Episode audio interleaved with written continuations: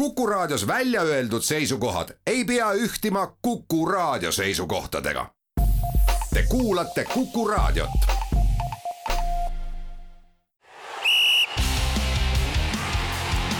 vutikohus. vutikohtul aitab pinget kruvida Pahv tere tulemast kuulama Kuku raadio jalgpallisaadet Vutikohus, mis on eetris igal neljapäeval ning mida juhivad Ott Järvela jalgpalliportaalist sokkernet.ee ja antud juhul ka Katarist Dohast ning Andres Vaher. meie saadet saab tavapäraselt järelkuulata Kuku raadio äpis ja podcastide keskkonnas ning samamoodi iTunesis, Spotify's ja Postimehe spordiveebis. vutikohus võtab igal nädalal jutuks aktuaalsed jalgpalliteemad ning tähtsamad kohtumised võrreldes meie eelmise saatega, mis oli vutikohtu saja kuuekümne teine istung, on maailmameistrivõistlustel peetud kuus kohtumist,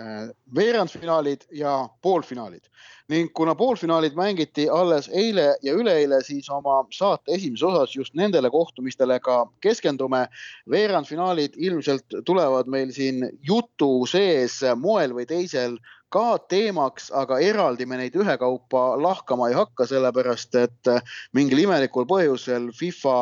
mängukalendri koostajad ei võtnud täpselt arvesse vutikohtu saate eetrigraafikut ja, ja pani need sellisele ajale, kus meil neist täna väga põhjalikult rääkida ei, ei ole justkui mõtet, kuna poolfinaalid on just äsja ära mängitud ja finalistid MM-il selgunud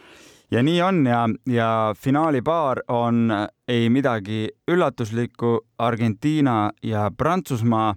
Äh, Argentiina võitis poolfinaalis äh,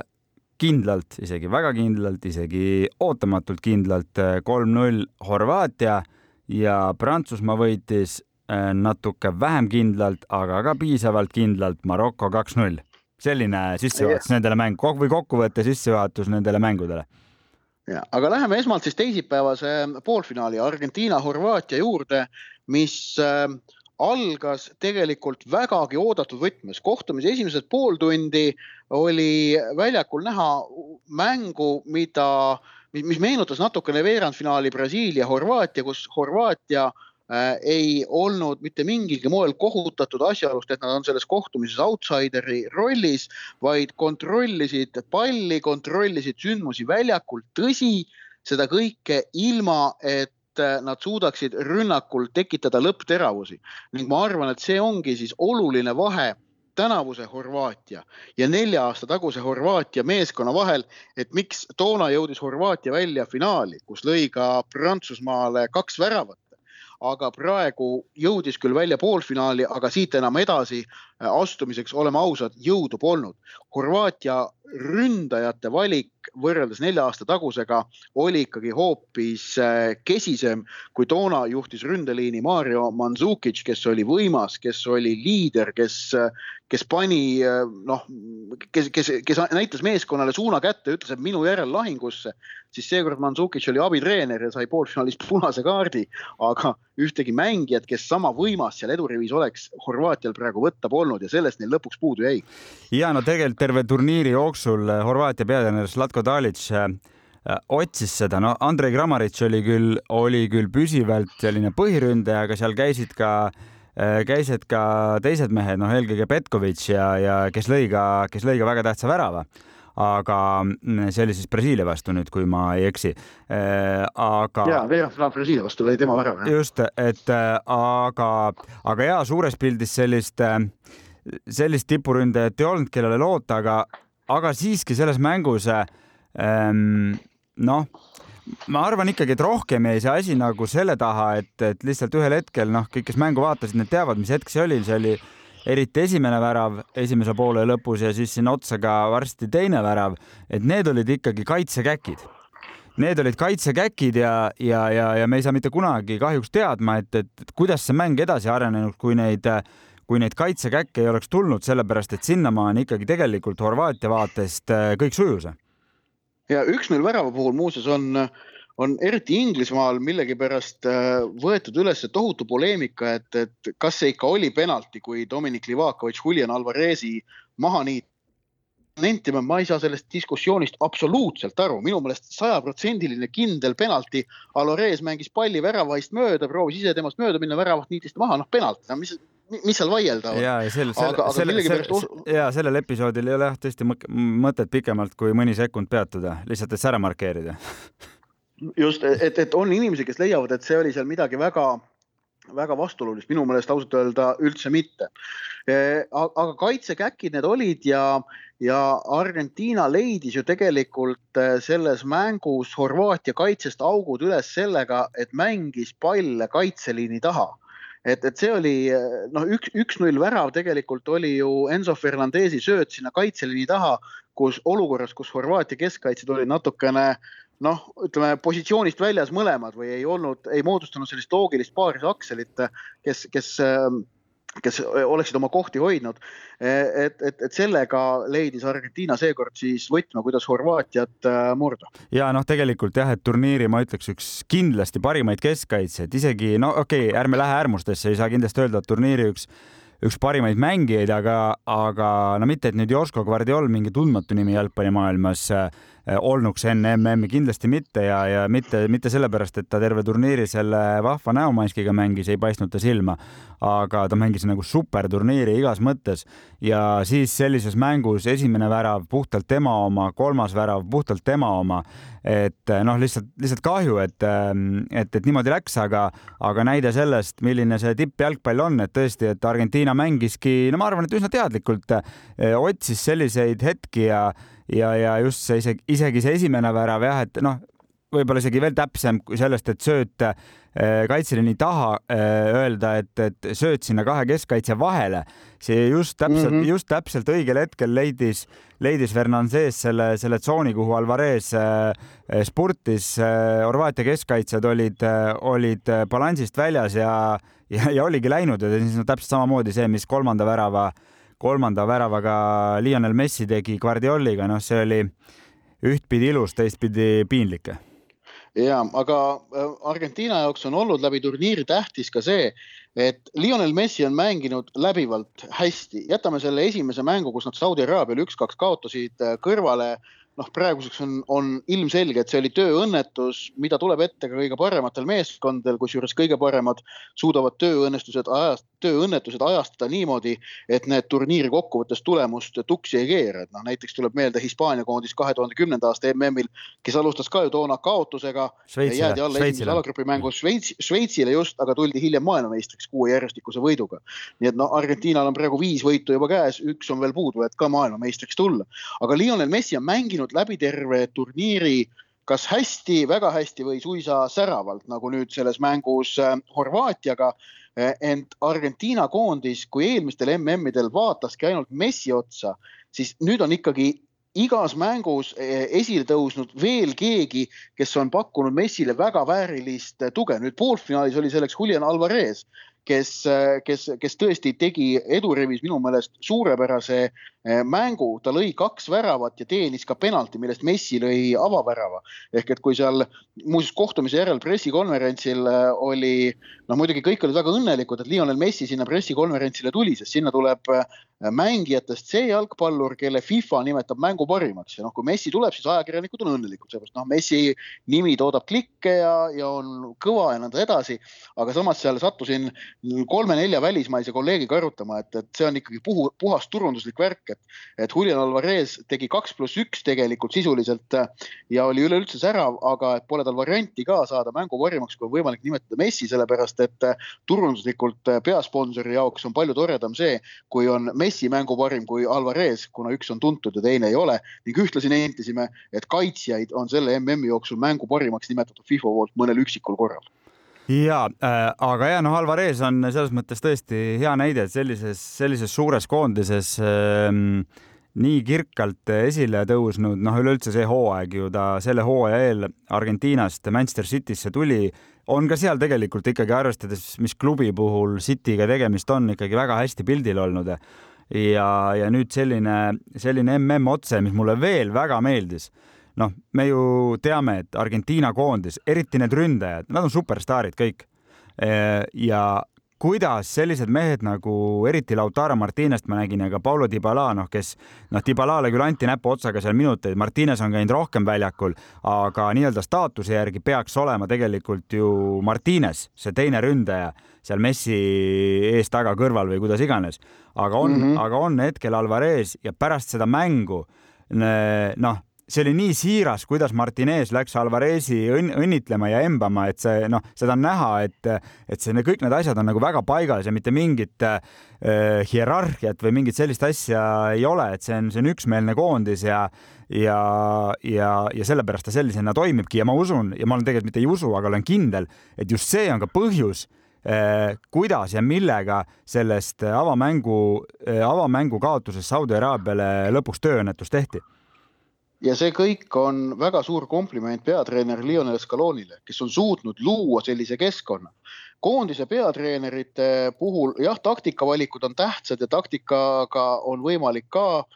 mänge ära otsustada, samamoodi sellega, et kas, kas teha see õige vahetus, kas teha see vahetus õigel hetkel, noh asi, mida on Gareth Southgate'il Inglismaa koondise peatreeneril kõige rohkem ette heidetud. aga kõige keerulisem asi, mis samas on kõige määravam, on just nimelt selle positiivse teineteist toetava õhkkonna loomine, milleta heade tulemuste saavutamine on võimatu. hea näide selle kohta on ju näiteks noh, Belgia koondis, kus, kus on olemas ju suurepärased jalgpallurid, ei tasu arvata, et Roberto Martines oleks taktikaliselt võhik, kaugeltki mitte, aga õhkkond võistkonnas ei olnud harmooniline ning sinna nahka kogu see mm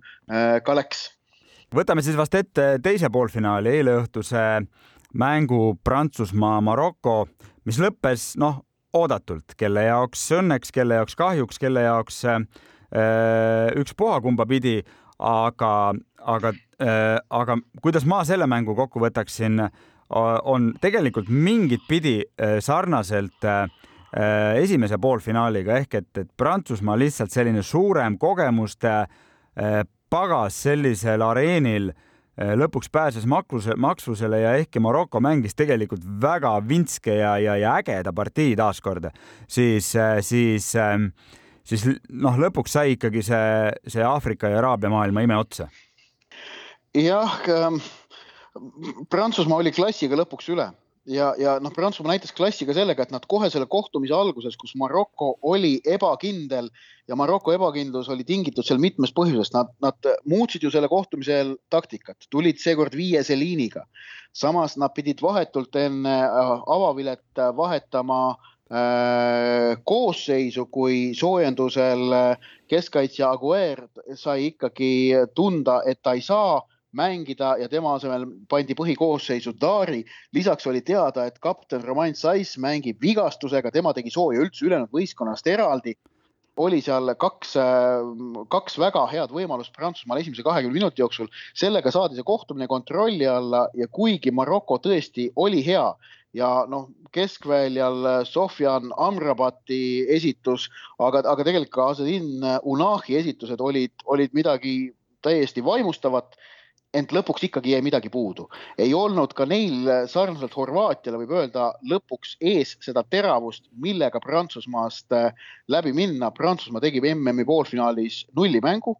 ning, ning see on kõva sõna ja, ja muuseas üks huvitav asi poolfinaalide kokkuvõtteks veel, et äh, pärast tuhande üheksasaja üheksakümnendat aastat äh, polnud MM-ide poolfinaalides normaalajal nähtud ainsatki väravalist võitu peale Saksamaa-Brasiilia seitse-üks mängu aastal kaks tuhat neliteist. nüüd aga mõlemas poolfinaalis selge võit skooriliselt emmale-kummale võistkonnale normaalajal ja, ja ühtlasi oli see siis Prantsusmaal sel, sel MM-il esimene, esimene nullimäng, et, et noh, okei okay,, mõni võib öelda, et see oli natukene vedas, et, et Marokol oli piisavalt võimalusi, et, et vähemalt üks lüüa, noh, noh, põhimõtteliselt no, noh, võib, võib, võib nõus olla, aga mis siis, no vahet ei ole, onju, et kokkuvõttes ikkagi saab, saab kokku võtta sellisena, et, et ikkagi see Prantsusmaa kaitse, isegi selles olukorras, kus Maroko tegelikult noh, ründas südikalt ja väga julgelt, aga noh, ikkagi kui vastane väravat ei löö, siis, siis on seal ka ikka väga palju tegemist sellega, kuidas teine meeskond kaitseb. minu meelest Marokol ikkagi ju selliseid sajaprotsendiliseid võimalusi ei olnud. Neil olid sellised lubavad, no Unahi kauglöök ja, ja siis keskkaitsja Elia Miki see ülepea käärlöök, aga need ei ole kumbki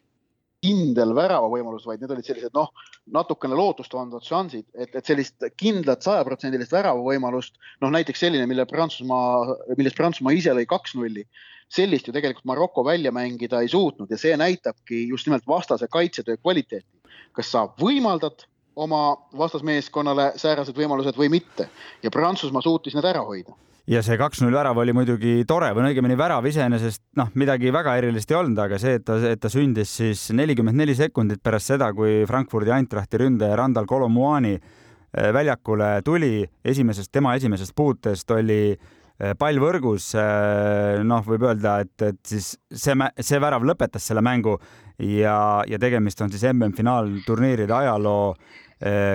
kiiruselt kolmanda väravaga siis, kui võtta arvesse seda vahetusmäng, mille, kui kiiresti vahetusmängija platsile tulles on, on skoori teinud? Prantsusmaa on finaalis ja finaali sellisest eelvaatest me räägime saate lõpus ka veel, aga ma tahan kaks sõna või paar minutit pühendada Maroko koondisele, kes on tegelikult ikkagi tõusnud selle MM-finaalturniiri üheks selliseks suurimaks sümboliks ning nad kinnitasid eile Al-Baiti staadionil näidatud äh, esituse ja ka tribüünidelt äh, väljakule kiirganud jalgpallikultuuriga, et äh, nad on võimas jalgpalliriik ja rahvas. mul oli tohutu kontrast tekkis samal staadionil peetud turniiri avamänguga, kus ka publiku lemmik, kelleks oli Katar, äh, kaotas samamoodi null kaks, kaotas Ecuadorile, kusjuures jäädi ka ju kiiresti kaotusseisu. Ehk et mingid paralleelid olid täiesti olemas, aga see, kuidas publik käitus toona, kahekümnendal novembril ja nüüd eile oli diametraalselt erinev. Katari toetajad ei tundnud jalgpalli, nad olid, nad olid jalgpallivõhikud, kes olid tulnud äh, nautima noh, või noh, soovisid tulla vaatama oma meeskonna võitu ja kui oli näha, et seda pigem ei tule, seal ikka lähme koju ära ja, ja mingit atmosfääri staadionil tegelikult ei tekkinudki kontrast eilse Maroko mänguga oli tohutu. Maroko koondise fännid ei andnud alla, ei andnud alla ka siis, kui, kui kaotus oli selge. pärast null kaks väravat korraks tekkis vaikuse hetk ja selle peale need vii, enam kui viiskümmend tuhat Maroko koondise toetajat, kes, kes staadionil olid, pärast seda vaikuse hetke tajusid, et oot-oot-oot, me ei saa niimoodi ju siit lahkuda ja võtsid üles oma õhtu kõige võimsamad laulud. Null kaks kaotusseisus, teades, et kaotus tuleb, siis pandi veel küte põhja ja noh, Maroko koondis lahkus areenilt ovatsioonide saatel. See oli võimas hetk ja see oli, näitas Maroko jalgpalliarmastust ja jalgpallikultuuri ja rõhutas, et äh, just need on väärtused, mis on vajalikud, et üleüldse maailmameistrivõistluste kontekstis kuhugi jõuda. ja, ja telekaamera leidis pärast seda null kaks väravat äh, ridamisi tribüünidelt Maroko poolehoidjaid, no praktiliselt kõigil pisarad voolasid mööda põski alla ja, ja ma tabasin ennast mõttelt, et mine nüüd võta kinni, et kas need olid nendel õnne või kurbuse pisarad? nojah, jah, jah, ilmselt on õige öelda, et see on see see on see emotsioon, mis pääses valla, sellepärast et eh, siis oli ju selge, kuidas see mäng lõpeb pärast, eh, pärast kaks-null väravat, et, et, et seal oli ilmselt noh, kindlasti ühelt poolt oli seal kurbus, et finaali kohta ei tule, aga samas oli seal ka õnnetunnet, et üleüldse kogu see sündmus on teoks saanud ja et nende armastatud Maroko on selles osaline olnud. et, et see, see, see Äh, outsiderina kaugele jõudmine kätkeb alati endas mitmesuguseid tundeid, aga, aga tõsi on ka see, et neil Marokol jäi ikkagi puudu ja, ja maailmameistrivõistlustel äh, kui jätta kõrvale Horvaatia eelmise MM-i finaali koht, siis me, see on, see on ka tegelikult ikkagi läbi aegade ainukene üllatusfinalist. et rohkem üllatusfinaliste me MM-ide ajaloos näinud ei ole. vutikohus vutikohtul aitab pinget kruvida Pahv. vutikohtu saja kuuekümne kolmas istung jätkub ning äh, meie saate teises osas otsustasime keskenduda riikidele, keda enam konkurentsis ei ole, kes äh, sellel MM-finaalturniiril viimasel nädalal osalised ei ole, väljakule ei tule, vaid kelle teekond lõppes kas veerandfinaalis või veelgi varem ning vaatame otsa siis erinevatele suurriikidele ja sellele, mis neid ees ootab, milliseid valikuid nad peavad tegema ning alustame juttu vast Brasiiliast, keda tabas järjekordne rahvuslik katastroof, kui veerandfinaalis Horvaatia vastu mängiti maha üks-null eduseis lisaajal, mis lisaajal oli kätte võidetud ja siis penaltiseerias laguneti ja kaotati. ma siinkohal esmalt tahan muidugi öelda, et see, kuidas Brasiilia lubas endale lisaaja lõpus, kolm minutit enne lisaaja lõppu lüüa vastasel kontrarünnakust värava, näitab ülimat taktikalist naiivsust. ja eh, selles kontekstis eh, kindlasti noh, eks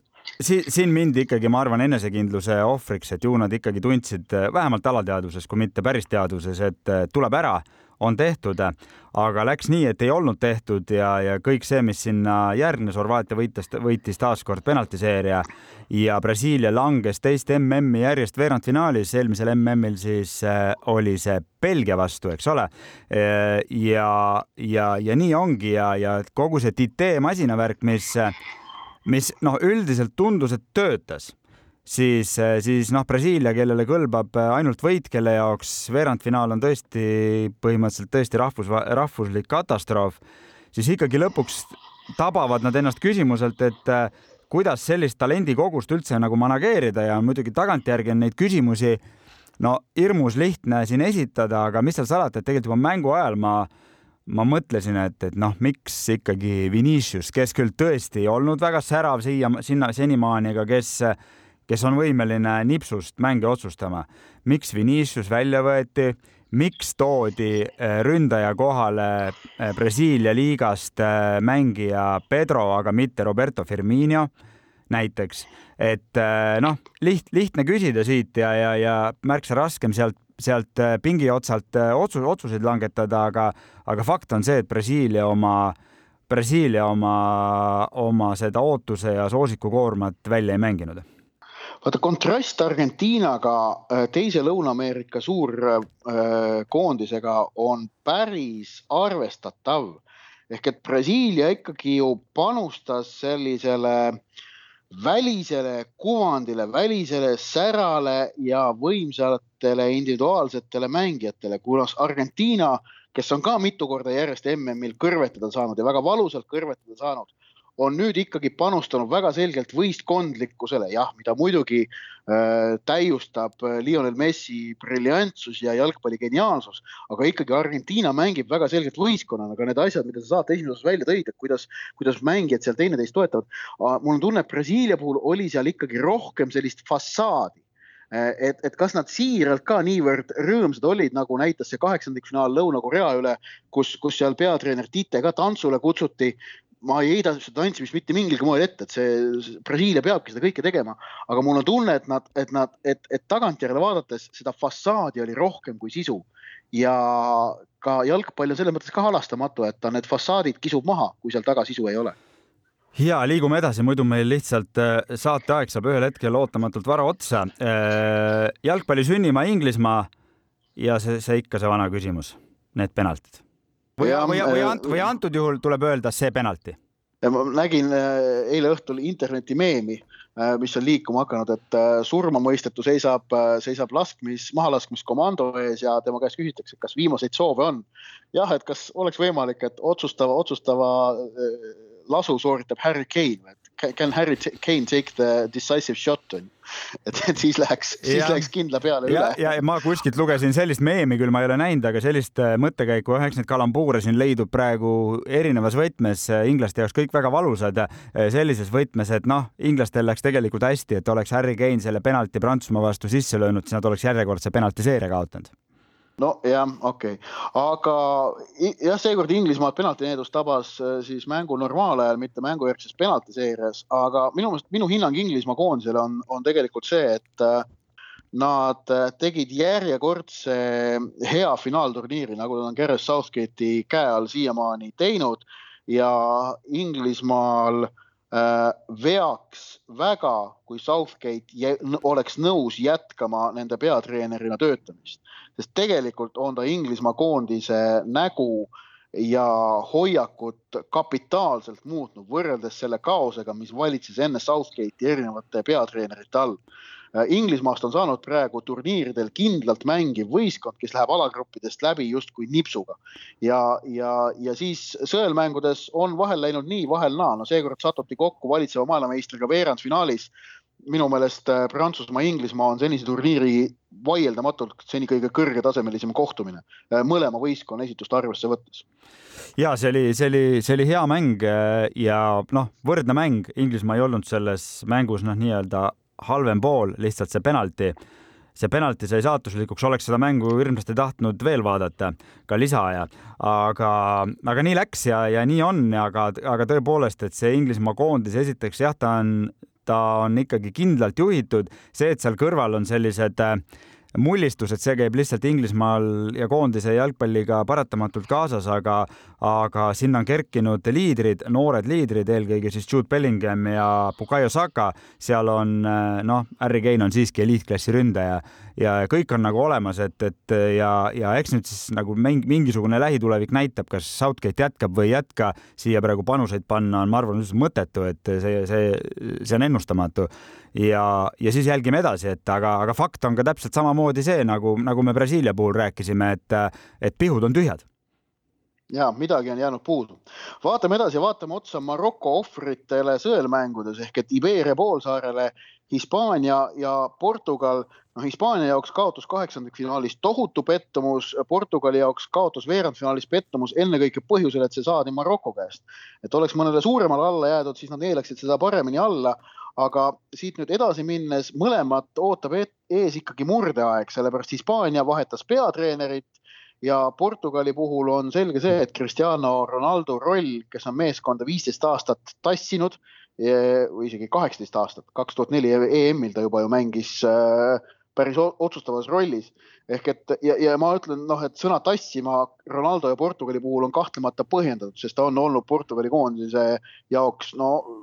tähtsam mängija kui ükskõik millises klubis, kus ta on mänginud selle aja jooksul. aga, aga nüüd on see aeg läbi ja,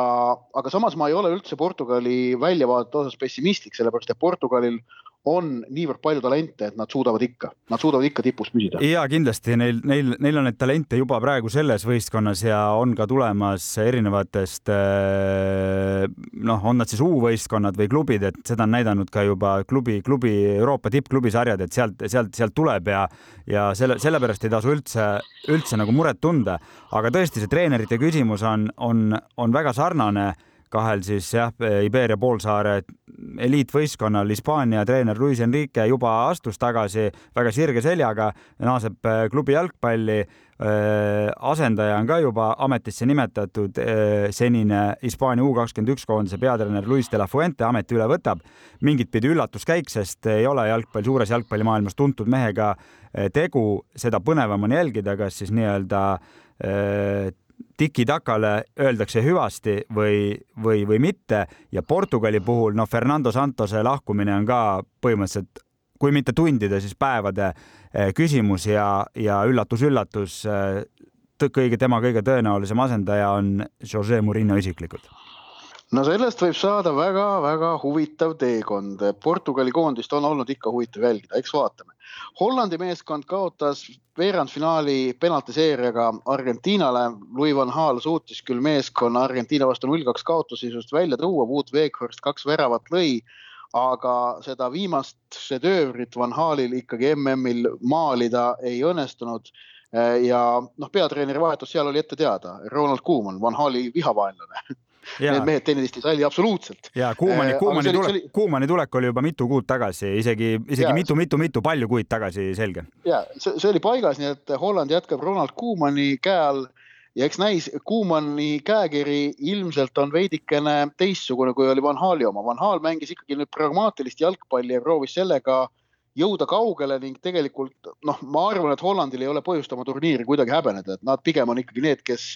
noh, e, Holland ei saa rahul olla, kui nad veerandfinaali kaotavad, aga ma arvan, aastaid hiljem sellele MM-ile tagasi vaadates pigem liigitub see positiivsete võistluste sekka, minu meelest Holland mängis hästi. ja Hollandi puhul ma näen, ma näen tuleviku vaates suurima, lähituleviku vaates suurima küsimusena seda, et no jalgpallis on vaja väravaid lüüa. Ja ehkki sellele, sellel MM-finaalturniiril kerkis päris võimsalt esile Cody Gakpo, noor noor mängumees BSV Eindhovenist, esialgu veel BSV Eindhovenist, siis ta ei ole ikkagi ründaja ta on noh, number kümme või äär, ta ei ole puhas ründaja. Ja, ja ehkki siis vahetused selles mängus Argentiinaga ja, ja uuele taktikale, siis pika palli taktikale minek Wout Weghorsti ja Luke de Jongiga tõi edu, siis see noh, ilmselgelt ei ole niisugune pikk, pikk, pikaajaline strateegia, mis, mis, mis, mis toimiks. Ja et ja samamoodi Memphis Depay on ikkagi juba kolmkümmend pluss, seal mingi kolmkümmend üks või kolmkümmend kaks aastat vana. nii et, et see on Hollandi puhul minu jaoks küsimus samas piirkonnas ja küsime Hollandi naaberriigi Belgia kohta, kas kuldse põlvkonnaga on nüüd viimaks tõesti kõik või pigistab sealt veel midagi välja? Eden Hazard on koondise karjääri lõpetamisest teada andnud Kevin De Bruyne veel mitte, tema vist kavatseb jätkata, aga, aga see Belgia eh, hiilgav šanss midagi võita paistab, et ikkagi on läinud, nad ei ole enam niivõrd teravas tipus. ja tunnistan, et see kuldne põlvkond sõna juba siin viimastel suurturniiridel hakkas mind pisut häirima, no ma usun, et nüüd selle noh, jah, kas selle põlvkonnaga kõik on selle, selle üle võib lõputult vaielda, aga, aga Kevin De Bruyne, Thibaut Courtois, Romelu Lukaku kõik need mängijad, noh, eks nad ju jätkavad ja, ja, ja, ja nad jätkavad nüüd siis eelseisvas EM-valikturniiril äh, muuhulgas ka Eesti vastu. aga Roberto Martines, siis koondise peatreener, on, on ametist lahkunud. Äh, Belgia jalgpalliliit otsib, äh, otsib avaliku konkursiga muideks uut peatreenerit. võite, võite, võite kandideerida ja, ja, ja kuigi tahaks rääkida ilmselt ka siin sellistest jalgpallimaailma põnevatest tegelastest, et mida äh, teeb järgmise nelja aasta jooksul järgmist MM-i võõrustav Ameerika Ühendriikide koondis. kuidas ähm, saab ennast äh, tagasi tuntud tasemele Mehhiko ja, ja mida, mida võtab ette Uruguay, siis räägime ikkagi nüüd neljakordsest maailmameistrist Saksamaast, keda enne järgmist MM-i ootab ees nende jaoks vähemalt sama tähtis võistlus. Nad võõrustavad kahe aasta pärast EM-finaalturniiri ja lähevad sinna siis vastu olukorras, kus neil on kolm finaalturniiri järjest tuksi läinud. kaks tuhat kaheksateist ei saadud MM-il alagrupis edasi, kaks tuhat kakskümmend üks EM-il saadi alagrupist küll edasi, aga siis saadi kaheksandikfinaalis inglaste käest tappa ja nüüd ei saadud jälle alagrupist edasi. peatreener Hansi Flick jäeti ametisse, aga tema tööd nüüd kadestada on väga keeruline, sellepärast et see vastutus, millega tema nüüd sellele kahele aastale vastu läheb, on tohutu. Saksamaa ootab kodusest EM-ist triumfi ja heaolutunnet, aga olukord on keeruline. ja ühtpidi võib teda mitte kadestada, aga teistpidi saab ta nüüd oma võimaluse, sellepärast et mm läks tuksi, aga nüüd on tal võimalus seda kõike äh, heastada, see nagu eelmises saates sai räägitud, see Saksa Jalgpalliliidu otsus oli mingit pidi üllatav, arvestades kõike seda, mida Ott eelpool kirjeldas, aga usaldati peatreenerit ja nüüd siis tema esimene küsimus või ütleme nii, kaks esimest küsimust minu jaoks on need, et kuidas saada sellesse meeskonda selline no õige energia, seda õiget energiat, keemilist, õiget positiivset keemilist temperatuuri sellel MM-il äh, näha ei olnud. Ja siis see peamine küsimus, et kuidas meeskondlik kaitsemäng äh, toimima saada. Tipptaseme jaoks on see, mis Saksamaal MM-il kaitses oli, oli läbisõiduhoov. paneme panuseid vutikohtu saja kuuekümne kolmas istung jätkub ja tavapäraselt meil lõpu lähenemiseks on pahv.ee pakutavad jalgpallikoefitsiendid välja valitud ja kas meil õnnestus midagi muud leida kui kaks MM-il järele jäänud mängu, vist mitte, Ott? no pigem mitte ja minu esimene pakkumine puudutab laupäevast pronksi kohtumist Horvaatia-Maroko ning Horvaatia võidukoefitsient kaks koma kolm. Ja, ja põhjused on väga lihtsad on Marokol ikkagi ainult kaks vaba päeva enne mängu võrreldes Horvaatia kolmega. Ning finaali puhul on ka ju Prantsusmaal üks vaba päev vähem kui Argentiinal, aga kolme ja nelja vaba päeva vahe tippjalgpalli spetsialistide hinnangul on vaata et peaaegu noh, olematu. Võrreldes sellega, kui sul on kaks või kolm vaba päeva, mis pidi olema väga oluline äh, ikkagi selline kitsendav äh, edu, edu, edu võimalusi kitsendav faktor ning äh, Maroko jaoks oli poolfinaal ka emotsionaalselt kurnavam. ma arvan, et Horvaatia on nii emotsionaalselt kui ka füüsiliselt värskem ning seetõttu pronksi-mängus äh, nendele panustamine tundub minu meelest mõistlik, kaks koma kolm koefitsient. Äh, mul sellest mängust kaks pakkumist nõus, et päevane puhkusevahe on faktor, aga mul on jälle täpselt vastupidi selline tunnetus et selles mängus seda pronksi mängu võidab see, noh, tavaliselt, kes rohkem tahab ja mul on millegipärast selline veider tunne, et Maroko tahab rohkem, mitte et Horvaatia ei tahaks. aga, aga seal juba natuke vanem põlvkond ja ma ei tea, kui motiveeriv see nende jaoks on. ma arvan, et Maroko tahab rohkem ja selle jaoks ma valisin siis koefitsiendi, kus äh, Maroko nii-öelda viik ei loe, Maroko võit äh, kaks koma kakskümmend viis ja mul on sellest mängust ka teine pakkumine, ma arvan, et see tuleb üsna lõbus jalgpallimäng äh, üle kahe ja poole värava, üks koma kaheksakümmend kaks nii, äh, minu järgmine pakkumine puudutab finaali ja et, äh, et äh, selle kohtumise esimese värava lööb Julian Alvarez kaheksa koma null oh,. seda on palju, see on huvitav jah, tõenäosus muidugi on, on, on, milline ta on, aga see on, kuidas see mitu, mitu korda välku ühte kohta lööb, aga kaheksa koma null on magus aga tõsi, see on siis mitte, see on esimene väravalööja üleüldse no, mängus, mitte, mitte värava löömine. ja ikkagi magus. aga, aga Julian Alvarezi värava löömise koefitsient neli koma üks on ka päris hea mm. -hmm kas sul veel midagi finaalist? no ja finaalis, äh, finaalis normaalaja viik kolm koma üks, et see on asi, mis muuseas kõigile meeldiks, sellepärast et siis näeb lisaaega nii et see tundub ka nagu päris hea, väga võrdne mäng, finaal on viiskümmend, viiskümmend. ja absoluutselt nõus. Ja koefitsiendid tegelikult ka seda näitavad, et see on viiskümmend, viiskümmend, et äh, ma valisin, see on niisugune muidugi väga riskantne, aga mul on tunne, et tuleb ettevaatlik mäng, mõlemad rõhuvad kaitsele, mis võib muidugi vallanduda suvalisel hetkel, kui emb-kumb skoorib, aga et selles mängus lüüakse alla kahe värava, siis kui lüüakse kaks väravat äh, raha tagasi, alla kahe värava kaks koma null viis. paneme panuseid vutikohtu saja kuuekümne kolmas istung alustab oma viimase osaga ning vaatame siin nüüd veidikene sügavamalt otsa laupäeval ja pühapäeval MM-finaalturniiril ees ootavatele kohtumistele. pronksimäng, nagu öeldud, Horvaatia ja Maroko vahel ning selle teatud nüansse sai siin ka saate eelmises osas lahatud. endiselt on aga õhus küsimus, et miks seda pronksi kohtumist üldse maailmameistrivõistlustel vaja on. Mõlema võistkonna peatreenerid, nii, nii Dalic kui ka Regragi pärast äh, poolfinaali kaotust pressikonverentsil ühe esimese asjana nentisid, et väga keeruline on psühholoogiliselt minna seda mängu mängima. me teame, et näiteks Euroopa meistrivõistlustel pronksi kohtumisi ei peeta no MM-il FIFA on seda soovinud äh, läbi aegade pidada ja kahtlemata see on noh, turunduslikult on see vajalik, aga, aga kas sellel mängul ka sisuline tähendus on, selle üle on, on jätkuvalt selline suur arutelu ja poleemika üleval. jah, no selle üle arutletakse juba aastakümneid, et, et ma üldiselt olen ka pigem selles paadis, et, et pigem vast ei oleks vaja, aga jällegi, kui see pronksi kohtumine tuleb selline, nagu ta praegu tuleb, Maroko-Horvaatia, noh, siis on, siis on päris äge tegelikult ja et kahtlemata jah, et praegu on hea see, et mõlema koondise jaoks ka mm pronks on ikkagi autasu, äh, mille võitmise puhul jäädakse seda uhkusega meenutama, et me võtame noh, näiteks see, kuidas Horvaatia siiamaani ju tunneb uhkust üheksakümne kaheksanda aasta mm pronksi üle see on ilmselge ja, ja, ja, ja tunnetatav ja, ja ka loogiline, nii et ma usun, et, et ka Horvaatia jaoks see kohtumine, kui kätte jõuab, mängijatele läheb see korda, et, et olla kolmekordne MM-medalist riigina kus on neli miljonit elanikku, oleks midagi väga-väga vägevat. ja noh, Marokol kahtlemata niikuinii, et noh ne,, nemad, neil, neil on võimalik ajalugu niikuinii teha, nad on juba teinud, et neile see mäng korda läheb, ei tasu äh, kahelda, aga iseasi on see, et tead, kas neil on jõudu selle mängu jaoks. et see võib olla see kahtlane asi. aga räägime siis mängust, mis, mille, mille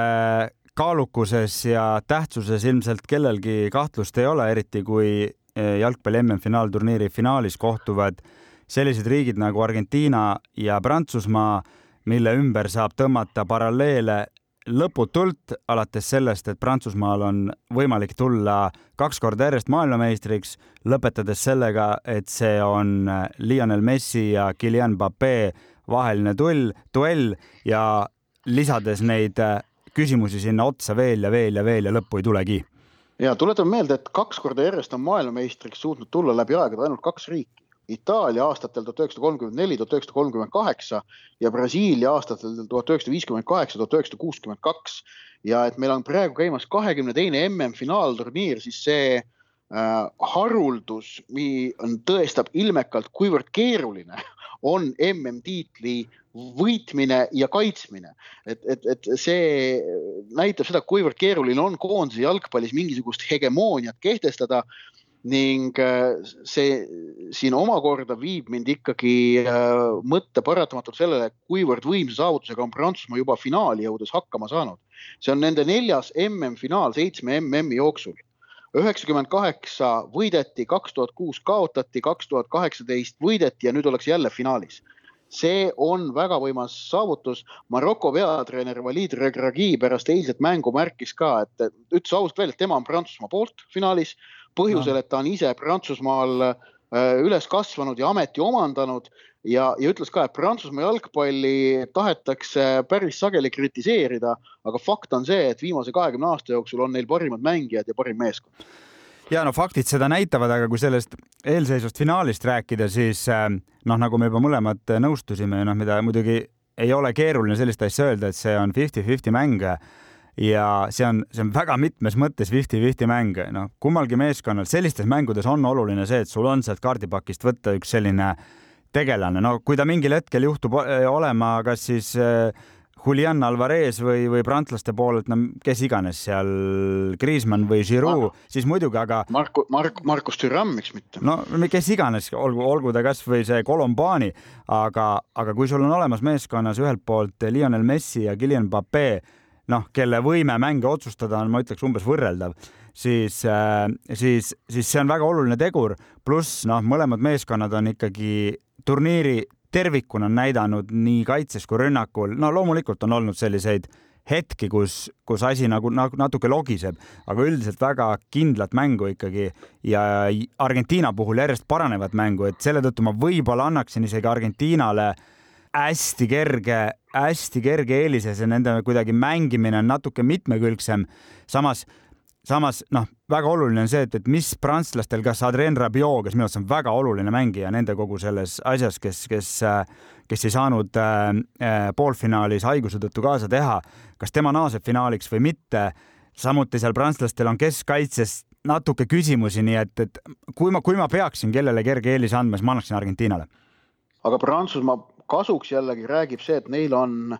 väga selgelt see võitmiskogemus ja oskus olemas. Nad teavad, noh, see, see, see võistkonna tuumik on ju sama, mis neli aastat tagasi. Ehk et äh, võtmemängijad teavad, mida on vaja teha, et maailmameistriks tulla, nad on, nad on selle asja korra läbi teinud. Ning samamoodi Argentiina on kõik asjad nüüd õigesti ära teinud, aga see viimane samm äh, suure võidu saavutamisel, ükskõik mis spordialal, ükskõik mis võistlusel on alati see kõige keerulisem. see psühholoogiline barjäär, mis tuleb maha murda, on senistest kõige võimsam ja see on nüüd väljakutse nii Lionel Messile kui ülejäänud Argentiina koondisele. ja, ja, ja see üldse ei ole vähetähtis, et, et nad on tegelikult selle turniiri jooksul, nagu ma ka eelnevalt rääkisin, nad on näidanud väga tugevat meeskonna äh, vaimu igas mõttes, absoluutselt igas mõttes. aga tõesti, nüüd sa oled silmitsi selle viimase takistusega see takistus on su jaoks ikkagi võimalikult keeruline teele ette tulnud. Äh, ja, ja nüüd on siis terve see meeskond, noh, eesotsas Messiga, aga no me teame, et terve see meeskond mängib mingi protsendi osa ulatuses seda mängu Messi nimel. et kuidas, kuidas nad sellega lihtsalt öeldes hakkama saavad? ja ähm, kahtlemata staadionil valitsev atmosfäär saab olema sarnane äh, Prantsusmaa vaatevinklist eilse poolfinaaliga ehk et äh, Argentiina jaoks on tegu kodumänguga, nende fännid uputavad selle Lusaili staadioni pühapäeval üle ja prantslasi on seal käputäis aga prantslaste jaoks pole see olnud probleem, see ei olnud probleem nende jaoks neli aastat tagasi Moskvas. Lužnikil, ei olnud probleem eile õhtul Albaiti staadionil ja tegelikult nad olid vähemuses ka veerandfinaalis Inglismaa vastu, aga kõigele sellele vaatamata prantslased on suutnud ka sellistest olukordadest eh, võitjatena välja tulla. ja mida ma veel selle mängu kohta siis rääkides mängijatest eh, välja tahaksin tuua, et tegelikult Argentiinal ei ole olnud veel sellist mängu, no ei ole, ei ole kummalgi olnud sellist mängu, kus nad oleksid siis nii-öelda väljakul nõndanimetatud number kaks meeskond, pigem kaitses. Äh, äh, aga arvestades seda Prantsusmaa ründekvarteti jõudu ja mitmekülgsust ja ohtlikkust äh, väga erinevas suunas, siis see on Argentiina jaoks küsimus kuidas nad sellega siis noh, nii meeskondlikult kui konkreetselt siis kaitseliin, mitmeliikmeline see kaitseliin iganes on, hakkama saavad, et, et noh, ma arvan ikkagi, et see ründenelik on on MM-i kõige kõvem ründenelik, mis prantslastel seal ees on. ja, ja noh, selle võtmekomponent, kuigi Guillem Pape on kõige säravam mängija neist, siis minu meelest see võtmekomponent on olnud ikkagi Antoine Griezmann. selgelt, täiesti selgelt, jah. ka eilses poolfinaalis äh, see, kuidas ta suutis äh, kaitses väga mitmeid vaheltlõikeid teha, ikka ja jälle õige koha leida ning pärast neid vaheltlõikeid niivõrd sageli ka täpsete, nutikate, filigraansete söötudega palli rünnakule viia see on muutnud Kriismanni Prantsusmaa meeskonna jaoks täiesti hindamatuks mängijaks selle asetuse süsteemi juures, mida nad mängivad. Mbappe on, on see timukas, kes, kes tegeleb hukkamisega. no Siru, Siru ka, Siru ka. kes jah, aga Kriismann on see, kes vastased tapalavale viib. ja nii, nii on, et ja me võiksime kahtlemata sellest mängust rääkida veel pikalt-pikalt. Õnneks on meil teadmine, et täpselt nädala pärast me saame sellest mängust veel pikalt-pikalt rääkida. nii et seda, seda võimalust me kahtlemata kasutamata ei jäta, selleks ajaks on Ott ka tagasi koduvabariigis ja, ja nende juttude ja mõtetega seekord ütleme teile aitäh kuulamast vutikohtu saja kuuekümne kolmandat istungit. saatejuhid olid Ott Järvela jalgpalliportaalist soccernet.ee ja Andres Vaher oleme uuesti eetris järgmisel neljapäeval kell kakskümmend üks, et teha kokkuvõtted jalgpalli MM-finaalturniirist ning viia mõtted uuesti klubi jalgpalli juurde, mis ju kohe pärast MM-i jätkub. meie saadet saab järelkuulata Kuku raadio äpis ja podcast'ide keskkonnas, samuti iTunesis, Spotify's ning Postimehe spordiveebis. Kuulmiseni. vutikohus. vutikohtul aitab pinget kruvida Pahv